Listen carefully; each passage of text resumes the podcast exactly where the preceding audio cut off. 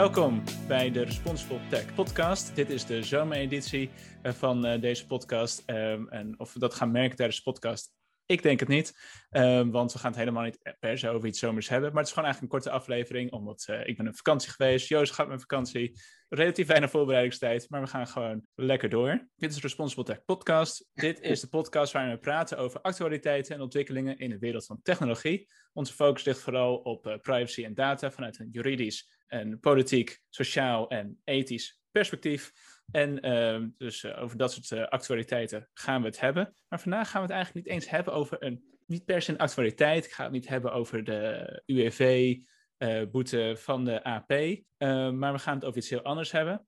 Ik hou het even bij een cliffhanger, want allereerst moet ik eventjes mijn tafelgasten voorstellen natuurlijk. Aan de ene kant van de tafel mijn co-moderator, Joost van Am. Dankjewel. Graag gedaan. en uh, uh, gast vandaag aan tafel is Jort Goudsmit. Yes, leuk om er te zijn. Jort, vertel eens wat over jezelf. Wie ben jij? Uh, ja, wie ben ik? Ehm, dat, daar kunnen we lang of kort over zijn. Maar ik ben in ieder geval een aantal maanden geleden begonnen als consultant responsible tech bij, bij Considerati, bij, bij Joas in het team. En ik heb een achtergrond in uh, filosofie en entrepreneurship. En uh, voordat ik bij, uh, bij Consideratie aan de slag ben gegaan, heb ik een, een ruim half jaar bij de Wetenschappelijke Raad voor het Regeringsbeleid stage gelopen bij de projectgroep die een adviesrapport schreef voor de regering over de impact van AI op publieke waarden. Kijk, perfect. Je bent de perfecte gast voor het onderwerp waar we het eigenlijk Kijk, dat is altijd goed vandaag over gaan hebben ligt de lat wel hoog. ik zal proberen... Ligt altijd al. Die ligt sowieso altijd enorm hoog. Uh, uh, zoals je al merkt, een hele formele, strak uh, podcast waarin alles super... nee, totaal niet. Maar ik zou proberen uit te leggen hoe dit allemaal in mijn gedachten speelde, dit onderwerp. Um, het is mede naar aanleiding, en het klinkt heel gek, naar aanleiding van de penaltyreeks van de Europa Cup finale. En uh, uh, na de Eurocup finale, nadat die laatste penalty gemist was, zei ik tegen mijn vriendin, die Brits is, zei ik, ik durf te wedden dat morgenochtend in de krant staat dat uh, mensen racistisch zijn geweest op, so op social media. En voilà. dat is gebeurd. Voilà. En dat is helaas gebeurd. Dus toen hadden we dat gelezen. Oké, okay, ja, dat is gebeurd. totaal niet onverwacht. En toen ben ik gaan kijken naar onderwerpen uh, voor uh, deze maand. En toen is mijn oog gevallen op een paar artikelen die eigenlijk hier een soort van mee samenhangen, die allemaal een beetje op elkaar inspelen. En ook deels dankzij Joas, uh, die een rapportage met mij heeft gedeeld, die daar ook precies op inspeelt, is het volgende. Om te beginnen, iets heel vreemds. Een radar poll. Een, een, ja, een enquête, uitgevoerd door Radar onder haar panelleden.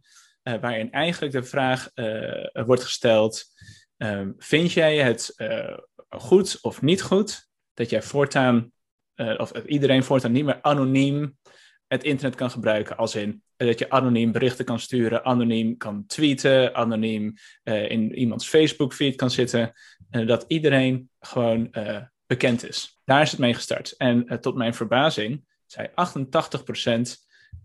van deze mensen zei ja, Oké, okay. ja, uh, ik vind het goed uh, uh, dat er een identificatieplicht is om een account online te hebben. Nou, ja. Eerste reactie. Ik ben benieuwd wat jullie daarvan vinden. Het, de, de, de kop verbaasde me totdat ik keek naar wie grofweg waarschijnlijk de doelgroep was geweest die dat had ingevuld. Mijn voordeel over die doelgroep. En toen vond ik het eigenlijk wat minder, minder verbazingwekkend. Omdat het ook wel signalen echoot die we in andere um, uh, hoeken, bijvoorbeeld in de politiek uit, uit CDA-hoek wel eens hebben gehoord. Um, ja, als je de prijs van surveillance wordt laag uh, geschat en de winst van surveillance heel hoog. Want dat, volgens mij gaat het daar eigenlijk over. En um, daar ben ik het zelf helemaal niet mee eens. En ik heb het gevoel dat er eigenlijk wel in de, de redenering gebeuren een paar rare dingen die er achter die, achter die poll ligt. Um, maar ik vond het, als, dit, als heel Nederland dit zou vinden en niet alleen de doelgroep die radarpols invult, uh, dan zou ik dat heel schokkend vinden, ja. ja, dat was ook eigenlijk mijn, mijn eerste reactie. Toen ik het zat te lezen, dacht ik ja, 88% is, uh, is voor. Uh, maar met zo'n poll, als je dat ziet staan en je denkt van wow, daar ben ik echt super erg voor, dan, dan ben je denk ik eerder geneigd daarop te klikken om ja in te vullen dan als je denkt van nou, liever niet. Maar ik heb er ook nog niet echt zoveel mening over. Dus dat, dat vertekent wellicht een beetje. Maar aan de andere kant, en dat is wel interessant, ik ben benieuwd hoe ik hier na dit gesprek over nadenk. Maar eigenlijk heb ik al, loop ik al jaren met het idee van een online identiteit zou zoveel problemen oplossen. Um, en precies wat jij al in de introductie aangaf, uh, jij stuurde mij dit onderwerp. En ik moest ook precies denken aan, aan die, uh, aan die penaltyreeks. Um, want ook daar, daarna was de, inderdaad de vraag naar, naar online identiteiten. Rio Ferdinand zag ik bijvoorbeeld een post daarover doen. Die opriep om niet langer anoniem te kunnen, te kunnen posten. Dus in die zin kan ik me zeker voorstellen dat je, dat je voor bent. En kan ik ook voorstellen uh, hoe die 88% uh, eh, tot stand is gekomen. Ja, en een van de, de dingen uh, die mensen ook gevraagd zijn, is dan hoe, hoe, doe je dat, hoe doen we dat dan? Moet het aan de voorkant bekend zijn? Dus mag je alleen maar onder je eigen naam iets plaatsen? Of moet het aan de achterkant bekend zijn dat wanneer echt iets gebeurt en dat er iets met deze persoon moet gebeuren omdat hij iets um, slechts heeft gedaan, om, om het maar gemakkelijk te zeggen, dat in ieder geval de platformhouder weet wie erachter zit? Hoe kijken jullie daar tegenaan? Wordt het dan ineens meer oké dat 80, 88% vindt dat het niet meer anoniem kan? Als bijvoorbeeld dan alleen aan de achterkant bekend is. Nou ja, de, de reden voor mij om, uh, om te denken van dat het een goed idee is, uh, is, is toch omdat het, dat het afschrikt. Ik zit er nu over na te denken of dat dan uitmaakt of het aan de andere achterkant of aan de voorkant bekend is. Maar om het voorbeeld van die penalty-reeks te nemen, ik, ik had precies dezelfde uh, het idee erbij van oké, uh, in eerste instantie had ik mezelf helemaal niet gerealiseerd, maar later uh, werd mij duidelijk dat drie zwarte spelers dan hadden gemist. Toen wist ik gewoon, oké, dit, dit gaat sowieso tot, tot racisme op, op social media leiden. En wat ik me daarbij wel afvroeg, is hoeveel van de mensen zijn daar ook echt racistisch van? Of willen ook echt racistische opmerkingen maken? Of willen gewoon heel graag chockeren? En dat, ik kan me voorstellen dat op het moment dat je, met je onder je eigen naam reageert, dat je in ieder geval dat deel van de mensen al afschrikt om het te doen. Dus dat je niet meer gaat chockeren om het chockeren. Dus dat je misschien daar al een uh, deel van het probleem mee ondervangt. Ja, maar wat is nou eigenlijk het probleem? Is het probleem dat er racistische uitingen worden gedaan? Of is het probleem dat we mensen die racistische uitingen doen niet kunnen opsporen. Toch dat identificatie heeft een. Dat, dat, dat, ja, dat, dat, dat, dat leidt naar uh, iemand kunnen aanspreken. Toch? Mhm. En dat, dat vind ik wel, wel interessant, omdat het. Um, kijk, racistische uitspraken, um, daarvan kun je, is natuurlijk heel duidelijk dat dat gewoon wettelijk niet toegestaan is. Um, dus daar is, denk ik, uh, zou dat, dat is gewoon een strafbaar feit. En nou ja, die willen we in onze rechtsstaat, willen we dat soort mensen kunnen, kunnen vinden. Uh, daar hebben we nu, gebruiken we daar andere manieren voor om die mensen te vinden, want we vinden nogal eens wat, uh, wat boefjes op het internet. Maar er zijn natuurlijk ook heel veel uitingen die ongewenst, schadelijk en immoreel zijn, of gevonden kunnen worden, die wettelijk gewoon toegestaan zijn. En um, eigenlijk is daar dus niet de vraag, we moeten die mensen niet opsporen om ze te vervolgen. We willen eigenlijk dat soort content niet in een publieke of digitale semi-publieke ruimte hebben. En dan is dus het probleem niet die identificatie van de mensen. Het probleem is identificatie van content. Want die content moeten we eraf halen. Die willen we niet. Maar dat, ja, dat je dan die account wil bannen, dat kan ik me ook nog voorstellen. Want je wil voorkomen dat iemand vaker dat soort content op je platform plaatst. Maar de gevolgen voor het individu dat een pseudonieme identiteit gebruikt om die content te plaatsen, die hoeven er eigenlijk helemaal niet te zijn voorbij het weren van die account en misschien zijn IP-adres dat hij niet nou ja, andere accounts gaat aanmaken om hetzelfde nog een keer te doen. Dus dan is eigenlijk de prijs voor het probleem van content die je niet wil, is iedereen op internet identificeren. En ik zie niet hoe die oplossing dat probleem nou zo helpt. Want wat hier nog bij zit, is dat het volgens mij ook wel een aanname is dat mensen zich gedragen als ze niet meer anoniem zijn. En Hmm. eh, ik heb een, eh, eh, een kleine afwijking dat ik ehm, op de een of andere manier, ook al word ik, maak ik mezelf helemaal gek, eh, reacties ga lezen op berichten van de NOS over coronadingen. Omdat ik denk, god, wat zou, eh, wat zouden ze drie bubbels verderop hiervan eh, van denken? En daar staat, staan Henk en Ingrid gewoon met volle naam. En foto van de kleinkinderen in, de, in de profielfoto. Echt bagger te spuien. En die mensen weten dat ze eh, eh, niet anoniem zijn, want die reageren gewoon onder een echte naam. En ze doen het nog steeds. Dus ik weet niet wat dat dan zou oplossen, behalve dat mensen een norm niet voelen die blijkbaar op een andere plek wel verwacht wordt. Mhm, Dus dan gaat het, en dat volgens mij dat is ook het rapport waar je naar verwijst, mhm. eh, dat is een heel ander soort probleem dan dat we mensen niet kunnen opsporen, eigenlijk. Nee, dat is inderdaad Ja. helemaal waar. Wat heel interessant is eh, aan het rapport, vind ik zelf, is Welk dat rapport? zij het Rathenau Instituut eh, rapport, eh, het heet Online Ontspoord. Ehm, ik zal me linken in de description. Ehm, eh, als je dat doorneemt, eigenlijk hoef je alleen maar de samenvatting door te nemen om in mijn ogen tot het meest interessante te komen, is dat wordt eigenlijk onderscheiden, eh, heel veel verschillende zaken onderscheiden die op het internet gebeuren, die schadelijk en immoreel zijn. Van eh, eh, doxing tot phishing tot wraakporno en alles wat er tussenin zit. Wat is doxing? Eh, doxing is het eh, eh, publiceren van eh, iemands persoonsgegevens of iemands contactgegevens eh, met het doel om iemand te intimideren. Maar dat is meer grappenhuis bewoording volgens mij, in- de intimidatiekant. Hij is Ehm, bezig met een wet daarvoor indienen, toch? Precies. Ja. Nu eh, komen, dat is te snel bruggetje naar waar ik naartoe wil. Sorry. Te enthousiast. Maar wel goed.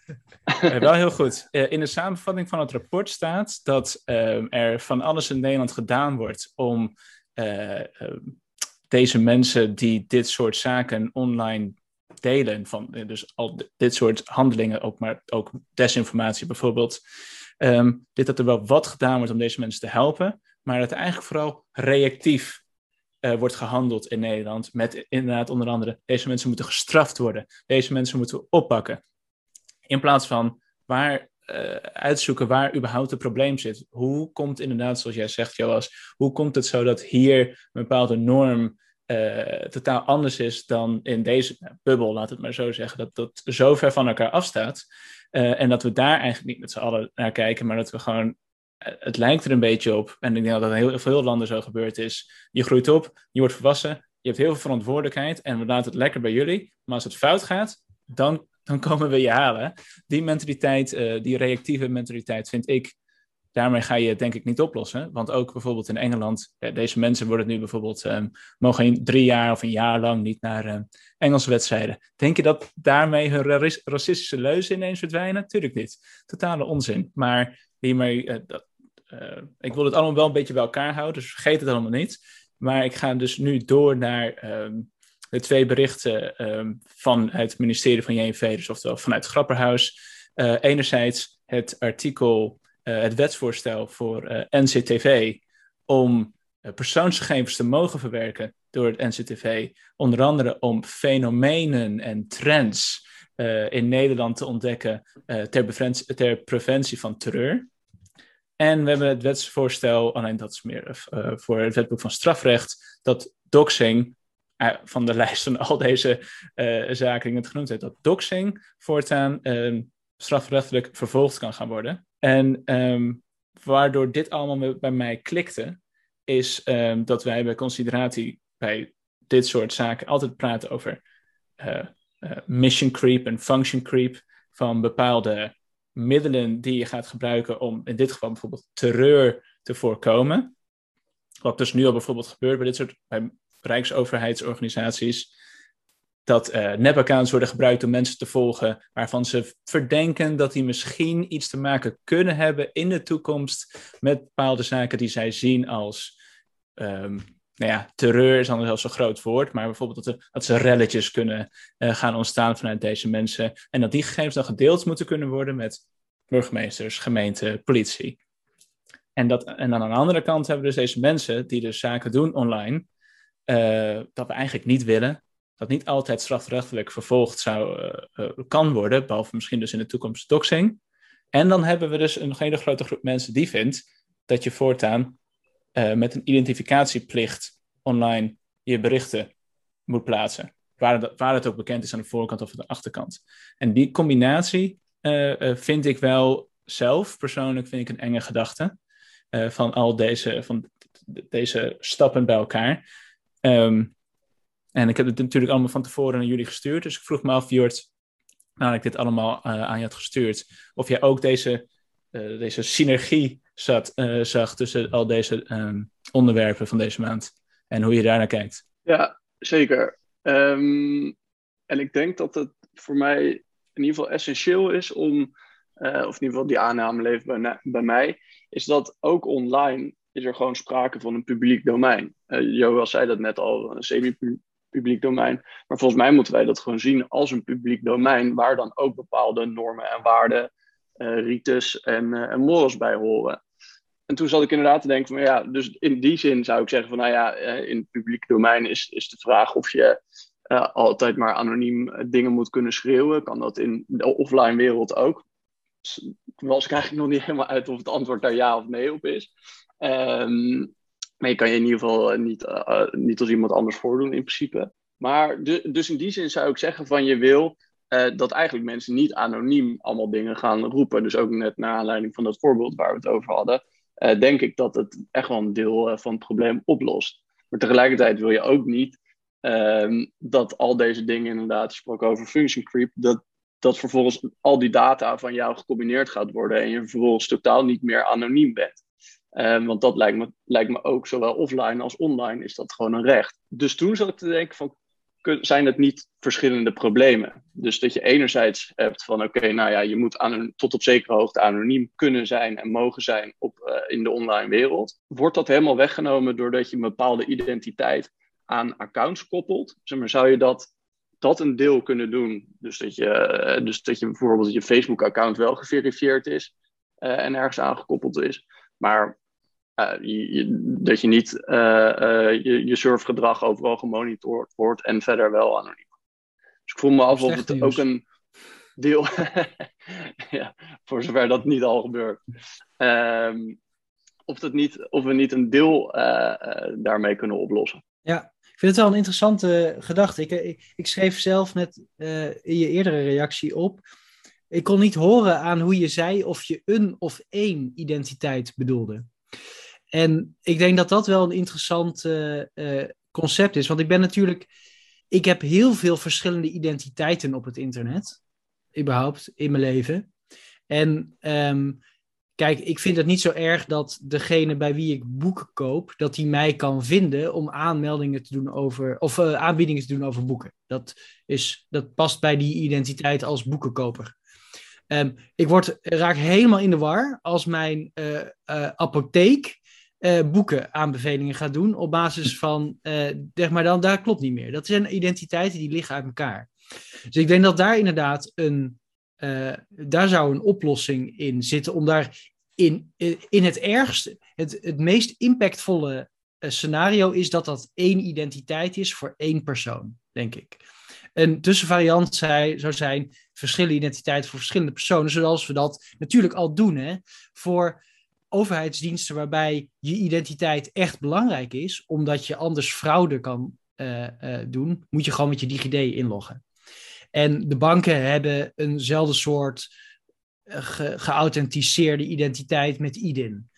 Um, dat is eenzelfde soort systeem, maar dan uitgegeven door, door, door banken. Dus we, voor bepaalde toepassingen hebben we het al. Het lijkt hier nu eigenlijk te gaan over uh, zeg maar de openbare weg uh, en, de, uh, en de markthal. Dus een beetje de sociale media kant van het verhaal. En daar, ja, dat is wel, dat is echt een interessante vraag, omdat die parallel tussen de offline en de online wereld heel moeilijk te trekken is. Omdat de digitale publieke ruimte eigenlijk een commerciële ruimte is in een semi-anarchistisch ecosysteem. Want het, het internet is, ja, wordt door soort van vriendelijke mannen en, en, en wijze vrouwen bestuurd in allerlei ja, governance-organen, weet je wel. elke layer van de stack heeft wel een, een non-profit die dat eigenlijk al heel lang, heel lang regelt. En dan bovenop zitten er wat commerciële partijen. En uh, ja, dat doen wij, wij, wij. Die openbare ruimte is nu eigenlijk een consumentenrelatie. Wij, wij maken een account bij Facebook of bij Twitter. Daar horen algemene voorwaarden bij. Dat is een product wat we afnemen op de een of andere manier. Uh, dus dat, ik vind dat maakt het wel echt heel moeilijk. En die, daarom vind ik die NCTV-vraag ook nog wel anders. Want volgens mij was ook een vrij fundamentele kritiek op Twitter dat het überhaupt niet in de taakomschrijving van de NCTV staat om de Nederlandse burgers in de gaten te houden. Dat mhm. is, als we dat zouden doen, zouden we eigenlijk een derde inlichtingendienst oprichten. Die zich richt op het identificeren van trends onder de burgerij, zeg maar. En dat, ik snap helemaal vanuit een uh, vervelende dingen voorkomen, uh, rationaal, dat je dat niet wilt. Maar de bestendigheid van dingen op het internet, dus je zegt één keer iets en het blijft eigenlijk op een bepaalde manier wel vindbaar.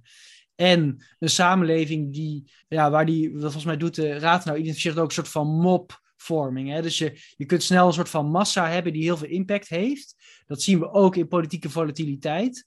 Um, ik zou niks meer in het openbaar zeggen, omdat ik niet weet of een kritische opmerking over de houdingen van de boeren over mestbeleid niet over tien jaar lang echt heel ver buiten de mainstream mening ligt. En misschien zit ik in die tijd, is mijn mening bijgepast. Uh, ben ik gewoon meegegroeid met de publieke opinie, maar er is nog steeds een registratie in het publieke domein van mijn afwijkende mening. En dat vind ik gewoon, dat zou een risico zijn. En dat wordt dus dan, volgens mij noem je dat een chilling effect. Ik ga mijn gedrag aanpassen. Ik maak mijzelf vrijwillig minder vrij. Uh, om te voorkomen dat ik later in de problemen raak. En dat, dat is hier wel, wel een ding. Mag ik natuurlijk... vragen? Bedoel, jij, bedoel je dan uh, online of offline iets in het publieke domein zeggen nu? Online, want offline roep ik, ik roep offline denk ik meer dingen die niet door de beugel kunnen dan online. Want in het verkeer ben ik gefrustreerd omdat iemand me geen voorrang geeft. En dan probeer ik hem, als ik in een goede bui ben, scheld ik iemand uit voor pannenkoek. Uh, en uh, als ik in een slechte bui ben, voor iets minder sociaal geaccepteerd. Um, dat doe ik op sociale media niet, omdat ik weet dat dat te registreren is. En op de fiets in Amsterdam ben ik gewoon een gesjeeste consultant op een fiets. En in die zin anoniemer. Maar is dat ook niet precies eigenlijk het disciplinerende effect dat je, dat je zou willen online? Dus, dus dat je inderdaad hè, op, de, op de fiets een keer naar, iets naar iemand roept waarmee je je eigen frustratie kwijt bent. En hij het waarschijnlijk niet eens hoort uh, um, en jij vervolgens weer verder fietst. Ja, die impact is natuurlijk ook zoveel minder groot, al hoort je het wel, zoveel minder groot dan als dat inderdaad jouw reactie ook geschreven is. Dat is ook een, een hele andere, andere impact heeft dat. Ja. Dus dus ik vraag me af of je niet juist inderdaad dat disciplinerende effect van oké, je, je reageert onder je eigen naam, uh, juist heel wenselijk is. Ja, ehm, maar en dat je dus ook wordt, wordt afgeremd in bepaalde dingen doen. Ja, maar kunnen we, dat niet, kunnen we niet hetzelfde effect bereiken, namelijk de afwezigheid van zo'n uiting, door gewoon die content te modereren? Dus gewoon mijn comment te verwijderen als ik die plaats. Ja, ik, ik vind een, uh, ik, vind een lastige. Vind je dat ze dan. Aan de ene kant, ik, ik zou zeggen dat is te ad hoc en reactief. Maar je wil eigenlijk dat het al daarvoor niet gebeurt. En ik, uh, maar daar kom ik, kom ik steeds wel een beetje op hetzelfde terug. Maar ik, en dat is een aanname. Ik zou, ik zou niet weten of er onderzoek naar is en anders ken ik het niet. Uh, of het inderdaad zo is dat een heel groot deel van deze online uh, abuse verdwijnt wanneer je onder je eigen naam moet, uh, moet reageren. Ja, en dan, en dan kan ik me voorstellen dat het wenselijk is. Maar volgens mij is dat, een, is dat echt een ander probleem dan, dan, de, dan, het, dan dat de NCTV gewoon online met nep-accounts je gaat volgen. want volgens mij is het, is het is problematisch dat ze inderdaad, wat je zegt, het hoort, niet uh, tot, hun, uh, tot hun kerntaken. En het probleem daarin is, dus ze worden ook helemaal niet gemonitord of ze dat in een eh, ethisch, op een ethisch verantwoorde manier doen. Kijk, de, Mhm. eh, er zijn anderen die dat wel mogen, maar die moeten ook aan strikte eisen voldoen om dat dan te mogen. Ja, die hebben Ja. toetsing ervoor, daarna en eh, zeg maar, ja, absoluut. Ja, voor mij, ja, dus ik denk dat je, Jord, dat, je het goed zegt. Ik eh, stap even van mijn eh, moderatiestoel af om toch een, een, een stukje mening eh, te hebben. Eh, het probleem zit inderdaad in, in verschillende facetten. Ik denk, zoals het rapport van het Ratna Instituut zegt, in eerste instantie wordt er eigenlijk te weinig tijd en energie en geld gestoken in het helpen van mensen of het ondersteunen van mensen of, en het begrijpen van mensen en het horen van mensen die, die zaken doen die misschien waarvan de meerderheid zegt dat het schadelijk en immoreel gedrag is. Deze mensen worden onvoldoende, er wordt onvoldoende mee gewerkt. Er wordt te veel reactief naar deze mensen gekeken, waardoor zij eigenlijk nog veel verder vanuit de algemene geaccepteerde samenleving komen te staan. Ehm, ik denk dat dat eh, nou ja, polariserend werkt, maar ik denk dat het wel daadwerkelijk zo is. En daarbovenop uh, komt natuurlijk inderdaad dat het nog best een, moeilijk vraagstuk is in welke situaties je online wel of niet uh, uh, daadwerkelijk als individu met naam en achternaam geïdentificeerd moet kunnen worden. Ik vind het ergens misschien wel een goed idee dat platformen kunnen kiezen of er bijvoorbeeld een DigiD-erig uh, voorwaarde wordt gesteld voor, um, als een platform dat wil, dan mogen ze dat zelf weten natuurlijk, denk ik dan. Of dan iets zelf bedenken waar ze een, een verified iets mee doen.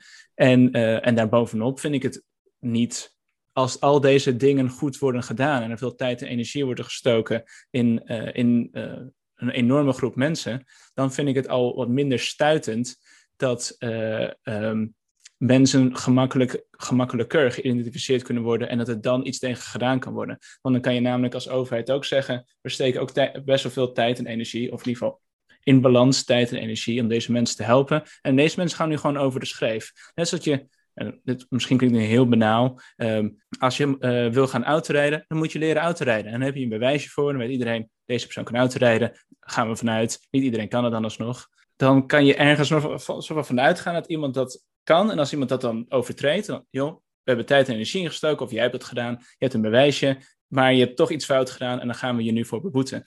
En uh, in de online wereld is dat gewoon totaal niet zo. Deze mensen worden niet geholpen. Ik, um, ik weet eigenlijk te weinig van basisschool uh, curricula, curricula, curriculums.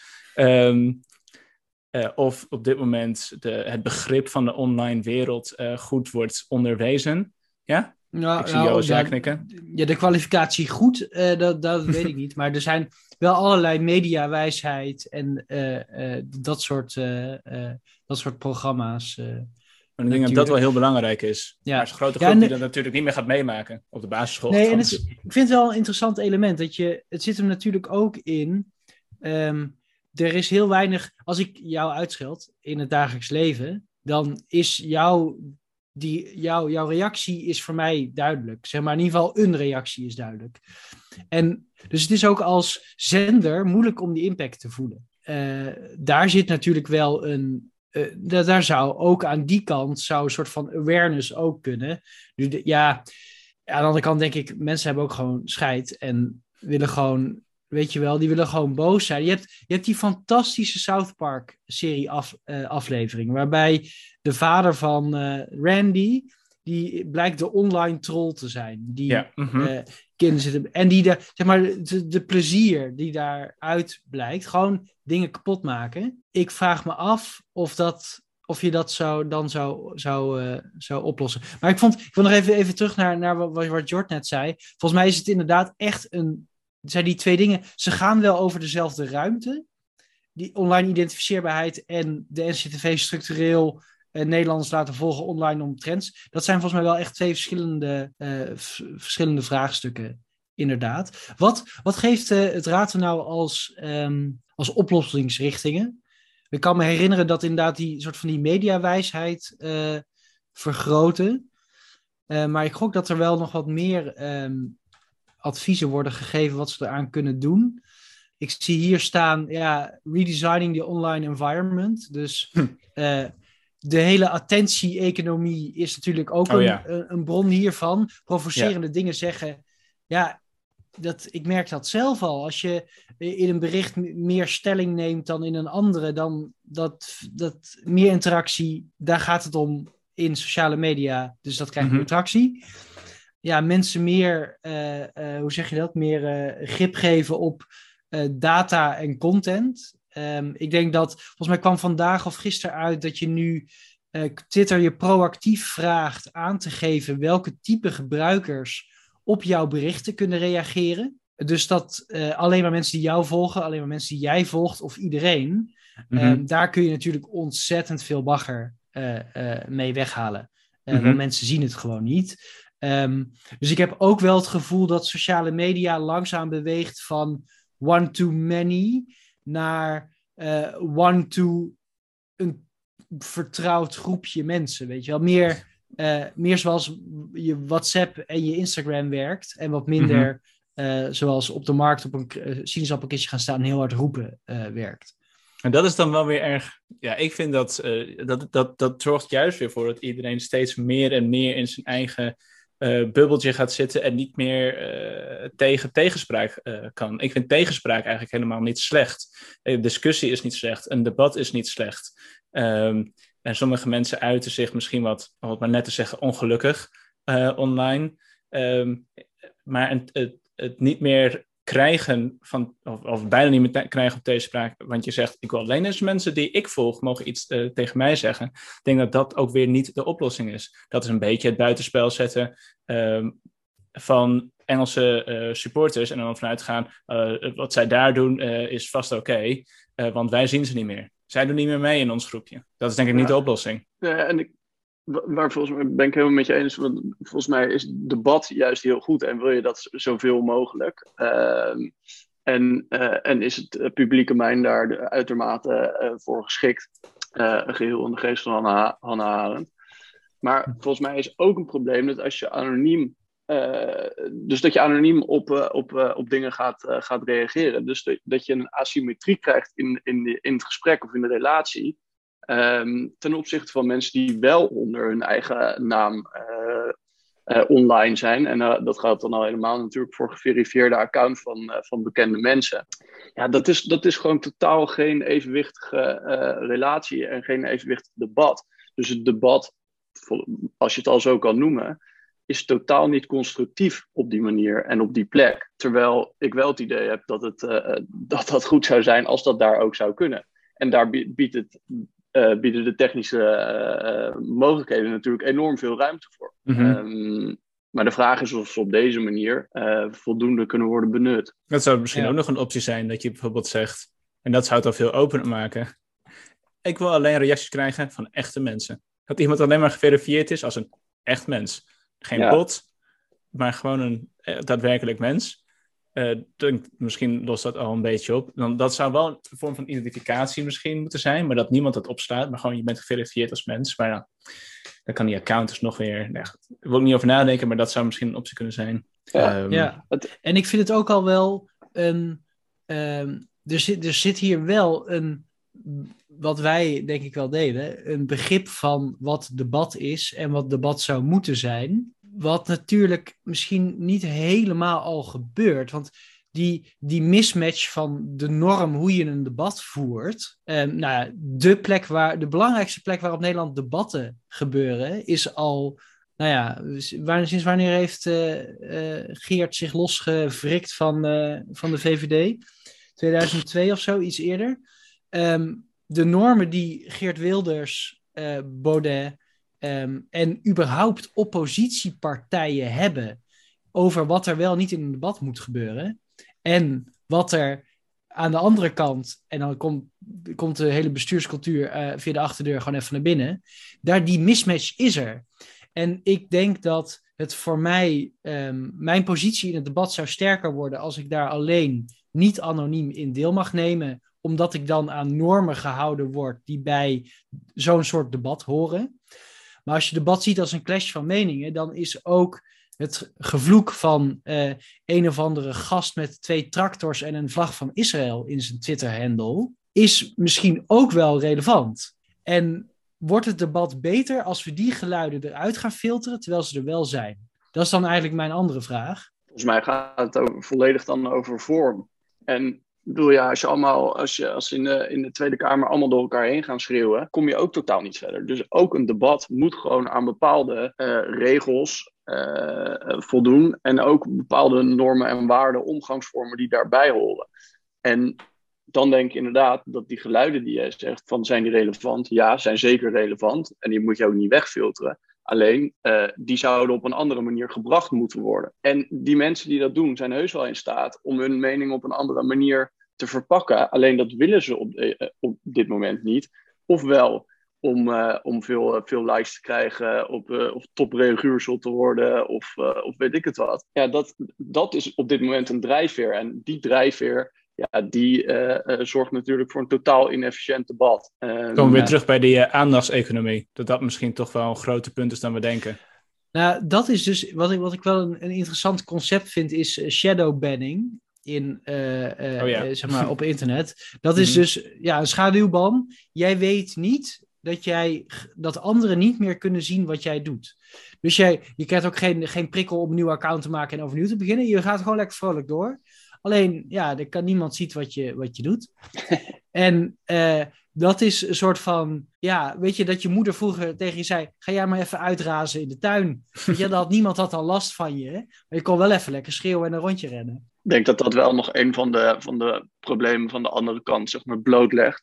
Eén, zeg maar, wat gebeurt er op het moment dat, die, uh, dat je geverifieerd wordt? Wie gaat jou verifiëren? Uh, of in dit het geval wat jij zegt, uh, wie gaat jou shadow bannen? Vandaar dat ik eraan moest denken.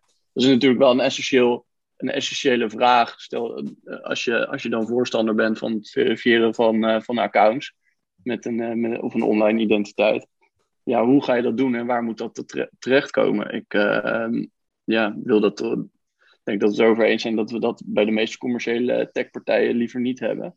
Nee. Um, maar, dan... maar de overheid is misschien ook niet zo'n goed idee. Dus ja, maar waar ga je dat eigenlijk... dan... Uh... Is dat niet eigenlijk gewoon de conclusie dat we eigenlijk nog helemaal niet weten welke normen er, of dat we niet eens zijn welke normen er moeten gelden?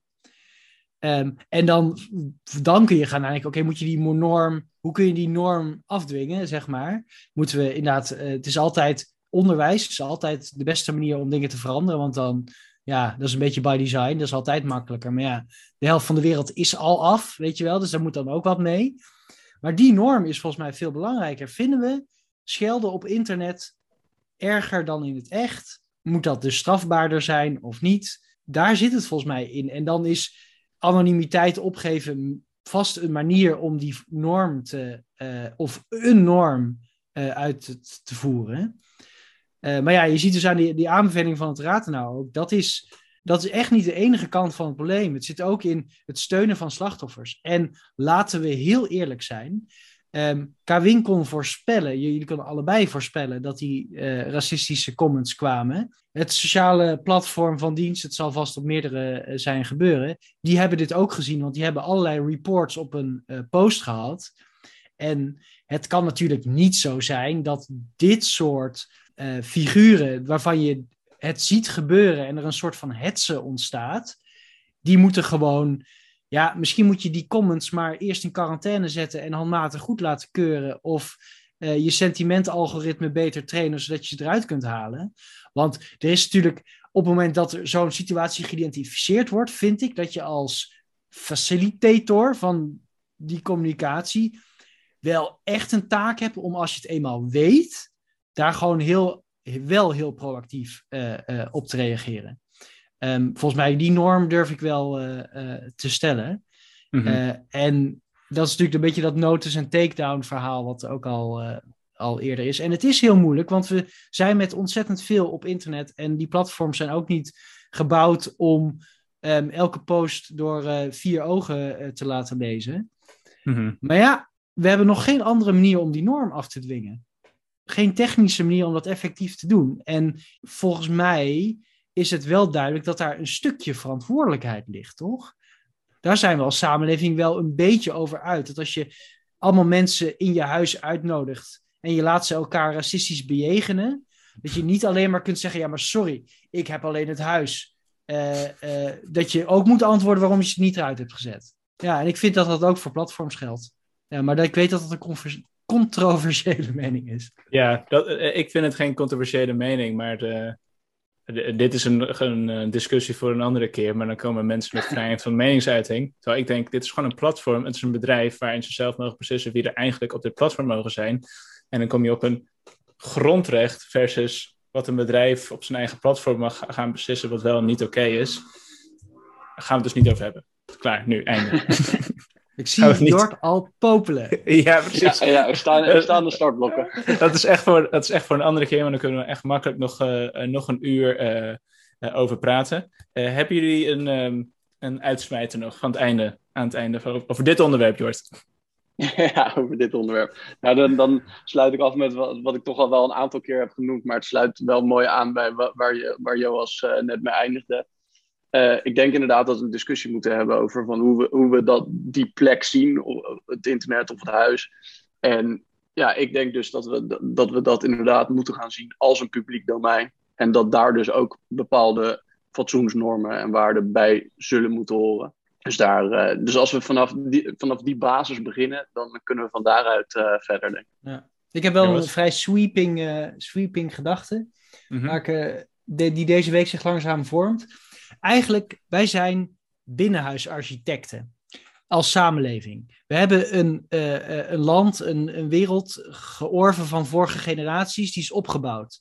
En eh, vrij goed ingericht. En wij hebben de afgelopen nou, 100 jaar hebben we de gordijnen vervangen. Want dat moest wel, die werden een beetje faal. En nu hebben we met nou ja, de digitalisering van de wereld en misschien nog wat andere grote uitdagingen van onze, onze generaties, klimaatopwarming, opwarming, dat soort dingen. Eigenlijk de opdracht om een nieuw huis te bouwen. Dus een fundament te leggen, na te denken hoe dat huis eruit moet zien, waar het aan moet voldoen. Is het te warm, is het te koud, is er ventilatie, kan er schimmel komen? En dat kunnen we gewoon nog niet zo. We zitten echt op het niveau van de binnenhuisarchitect en we moeten gebouwen leren ontwerpen.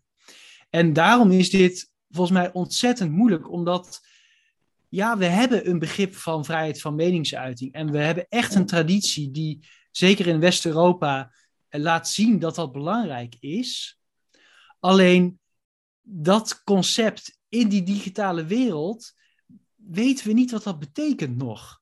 Mhm. En we kunnen ook niet even rustig een paar honderd jaar wat bevolkingsgroepen onderdrukken en met een soort van eh, kring van adelen dat een beetje eh, houtje touwtje gaan opbouwen en een beetje trial and error. Nee, we, zitten, we moeten in het huis al wonen, zeg maar. Historie leert dat het best kan. Maar dan leg het dan alsjeblieft uit aan ons. Want ik heb echt het gevoel dat dit de uitdaging is. We kunnen. We hebben natuurlijk ook een premier gehad die 15 jaar heeft gezegd dat het goed is om geen visie te hebben. Terwijl de grootste transformatie van zijn generatie aan de gang is. Ehm, maar volgens mij komt het daarop neer. We weten, we weten niet precies wat Jort net zei, wat, dat, wat het betekent online. En ik heb daar geen oplossing voor. Weet Behalve ik dat we daar gewoon over na moeten denken. En erkennen dat we het eigenlijk niet weten. En dat we er dus in ieder geval oh, moeten beginnen om erover na te denken. Was dit groot, genoeg, groot en filosofisch genoeg? Ja, zeker weten. Afsluiten Ehm, met een vraag, altijd goed. ja, precies. Hou je de mensen, hou je de mensen, hou je mensen erbij. Beetje, Ehm, beetje kietelen. Aandachtseconomie, precies. Oké. Ehm, like en subscribe. Ehm, Toto? Ja, maar ik heb dus niks. Als ik heel eerlijk ben. Want er is nog steeds geen kabinet. Ehm, nou ja, Thierry heeft die ondertussen eh, volgens mij al Ruim gewonnen van ons. Dus het soepje heeft daar al eh, gewonnen. Ehm, er is nog niets bekend natuurlijk over ehm, eh, of... ehm, wat was het ook weer? Voor mij was de, de, het wetje of... Hoe vaak digitalisering genoemd zou worden? Nee, of de AP genoemd zou worden in het Of de regeerakkoord. AP, nee, dat was het. Of de AP genoemd zou worden in het regeerakkoord. Nou, dat weten we dus nog niet. Ehm, Het gaat wel Dus, ja. eh, Oeh, maar Jo zei nee. Nul Ik, keer. ben, en ik, ik zou nog double down gaan op nee. Misschien tussen haakjes. Hmm. Dus als er die AP tussen niet. haakjes staat, Ja, toezichthouders en dan AFM, AP, DNB. Zo, dat en als die genoemd? Ik zou hem tellen. Nou, dus dan verlies ik hem, hè? Ja. Maar dan vind ik mezelf wel de morele winnaar. Dan weet je wat dan was. Nou, dat is een win-win situatie. Maar eh, nee, ik heb niets. Dit is, eh, zoals ik al zei, dit is een zomereditie. Gewoon eh, lekker losjes, geen privacy toto. Volgens mij staat het gelijk spel. 2-2 uit mijn hoofd. Ehm, dus daar komen we volgende maand weer op terug. Ehm, ik wil je natuurlijk jullie enorm bedanken voor jullie aanwezigheid. Aan deze kant, Joost van Ham, dankjewel dat je er weer bij was. Graag gedaan. En hier beneden mij, dat moet ik natuurlijk ook straks in die edit ook op deze manier doen. uh, dankjewel, Jort Goudsmit. Graag gedaan. Leuk uh, om uh, te mogen debuteren. Dank. Ja, leuk dat je er was, joh. ik vond het in ieder geval erg leuk. Um, en uh, deze podcast kan je maandelijks nee, kan je volgen. Elke maand een nieuwe aflevering. Um, te volgen via Apple Podcasts en Spotify en YouTube. En um, uh, volg ons. En um, dan krijg je natuurlijk elke maand, uh, hopelijk, ga ik vanuit, een update met een nieuwe podcast aflevering.